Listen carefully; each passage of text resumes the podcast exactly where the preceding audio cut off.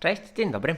Mm, Jestem ciekaw, czy tęskniliście e, wszyscy moi czterej fani, którzy oglądają te komentarze. E, Słuchajcie, jesteśmy po kryterium Dudufine i to był zazwyczaj taki, no, jeden z głównych testów przed Tour de France. E, Tour de France, pamiętajcie, w tym roku wcześniej, e, 26 czerwca, zatem mamy mniej niż 3 tygodnie do startu Wielkiej Pętli. Jak to się w ogóle jak to się mogle, w ogóle mogło wydarzyć. Ten sezon kolejny z rzędu, tym razem w związku z Igrzyskami Olimpijskimi, e, z piłkarskim euro, e, ciasny, no i pełen, pełen wydarzeń.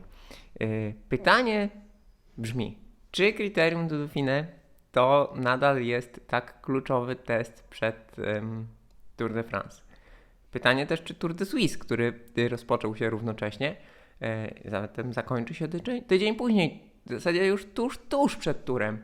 E, jeszcze w międzyczasie jest ten mniejszy wyścig w Słowenii. Jaką rolę w tym roku i w ogóle w, ostatnich sezonach odgrywają te wyścigi? Mm, No bo słuchajcie, dwóch głównych pretendentów mm, do y, żółtej koszulki Tour de France, Tadej Pogaczar, Primoz Roglic, e, no, nie można powiedzieć, że się ukrywają, ale po em, ekstremalnie intensywnej i na wysokim poziomie przejeżdżonej wiośnie wrócili do domu, wrócili na zgrupowania, sprawdzą nogę w e, tej Słowenii i też tak naprawdę nie wiadomo, czy sprawdzą, czy nie sprawdzą. Czy tam pojadą, jeżeli pojadą, to jak muszą tam już być super mocni, bo to jest ten wyścig bliżej, mm, bliżej turu. Kryterium Dudufine e, to jest raczej taka e, forma sprawdzianu ostatniego zgrupowania. Jeszcze można coś tam teoretycznie e, z- zrobić między, między Dauphiné a Turem. W każdym razie mm, istotne jest to, że mm, mamy kolejny wyścig etapowy w tym roku, e, już nie zdominowany, ale wygrany przez e, zawodników Ineos Grenadiers. No bo słuchajcie, Katalonię, Katalonia w ogóle w marcu, Katalonia w ogóle była całkowicie pod ich dyktando. Mm, Potem, e, potem wygrali Romandię e, i teraz wygrali Criterium du Dauphiné. Na każdym z tych wyścigów znakomicie jechał Richie Port. E, Bardzo dobrze, chociaż średnio, znaczy nie całkiem dominujący, jechał Geraint Thomas.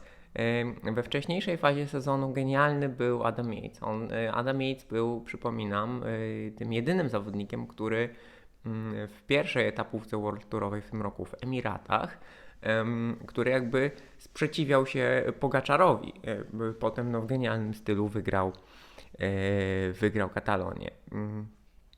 Pytanie więc, czy zawodnicy Ineos Grenadiers, którzy ewidentnie, pamię- trzeba jeszcze pamiętać, że mają Karapaza, który ściga się w Szwajcarii, no, którzy y, są bardzo zmotywowani od początku sezonu, czy jakby, czy to oni są faworytami ym, Tour de France, albo pytanie jest inne, czy oni w ogóle będą w stanie się przeciwstawić e, Słoweńcom i ich drużynom, które no, nie są aż tak napakowane gwiazdami, a raczej myślę, że te gwiazdy jednak będą bardziej podporządkowane swoim liderom. No bo pytanie jest, co, co zrobią w, w Ineosie, tak? Czy Thomas, czy, czy Carapaz? A może słuchajcie, zawodnik, który najmniej szarpie, najmniej jest eksploatowany, czyli e, Tao Gegenhardt, który przypominam, to nawet nie chodzi o to, że on wygrał zeszłoroczne Giro, ale że e, pokazał na kilku podjazdach, że y, prezentuje tę, że jest na tym e, najwyższym poziomie, który umożliwia walkę w, na przykład w Tour de France.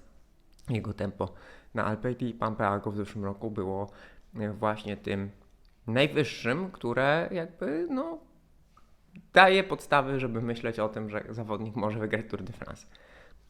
Zatem to jest wszystko bardzo skomplikowane. Y, Movistar y, bardzo mocny, tak? Z, z Masem, z Angelem Lopezem, no i Valverde, który tutaj wygrał etap, no ale ewidentnie, ewidentnie będzie pełnił tą rolę tako, takiego kapitana, pomocnika, chociaż y, z Movistarem to bardzo różnie. Bardzo fajnie, że Miguel Angel Lopez powrócił po, po COVID-zie. On, pamiętajmy, również miał COVID i no, czekał, czekał z powrotem do formy. Tutaj, y, tutaj jest z nim dobrze.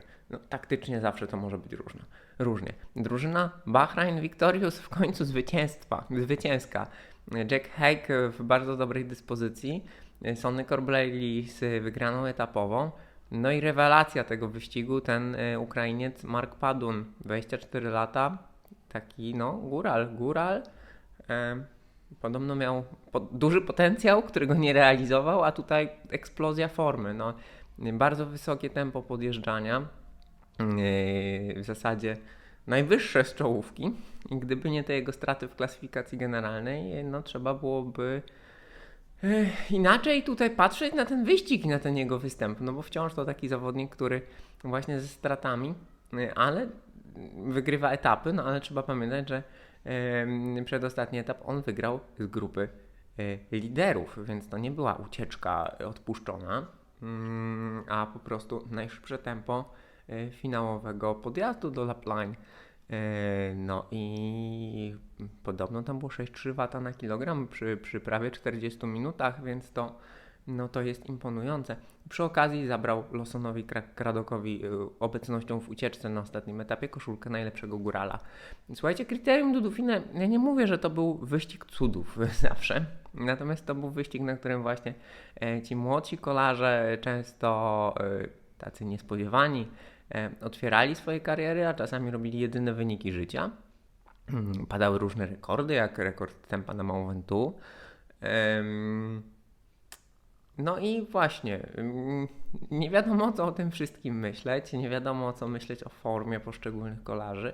Mam wrażenie, że z roku na rok coraz mniej możemy e, prognozować w kierunku Tour de France po e, jakby rywalizacji na kryterium du Dauphiné. Ten wyścig jako wyścig, jako taka, jako taka wyjęta całość jest zawsze bardzo ekscytujący, natomiast w kontekście całego sezonu, a szczególnie w kontekście Tour de France, on powoduje zamieszanie, on powoduje, że e, nie wiemy, co o tym myśleć. Jest ciekawy, tak? To, to jest na pewno dla fanów kolarstwa, dla, dla koneserów kolarstwa jest to jeden, jedna z ciekawszych pozycji w kalendarzu. E, no ze względu właśnie na rozwiązania taktyczne, na jakieś psychologiczne zagrywki między drużynami.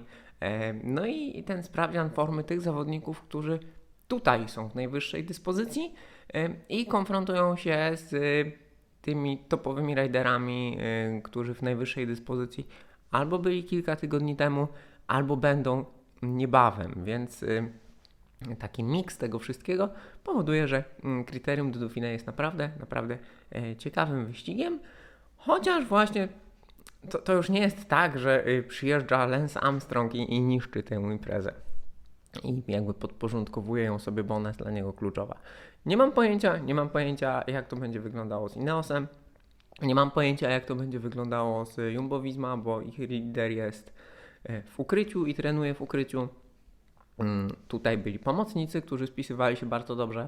Widać, że Jumbo Visma, no, póki co, może naturze nas zaskoczą, tak? E, Jumbo Visma nie bierze na siebie takiej odpowiedzialności jak w zeszłym roku, bo chyba e, sparzyli się, że im się to mm, nie sprawdziło.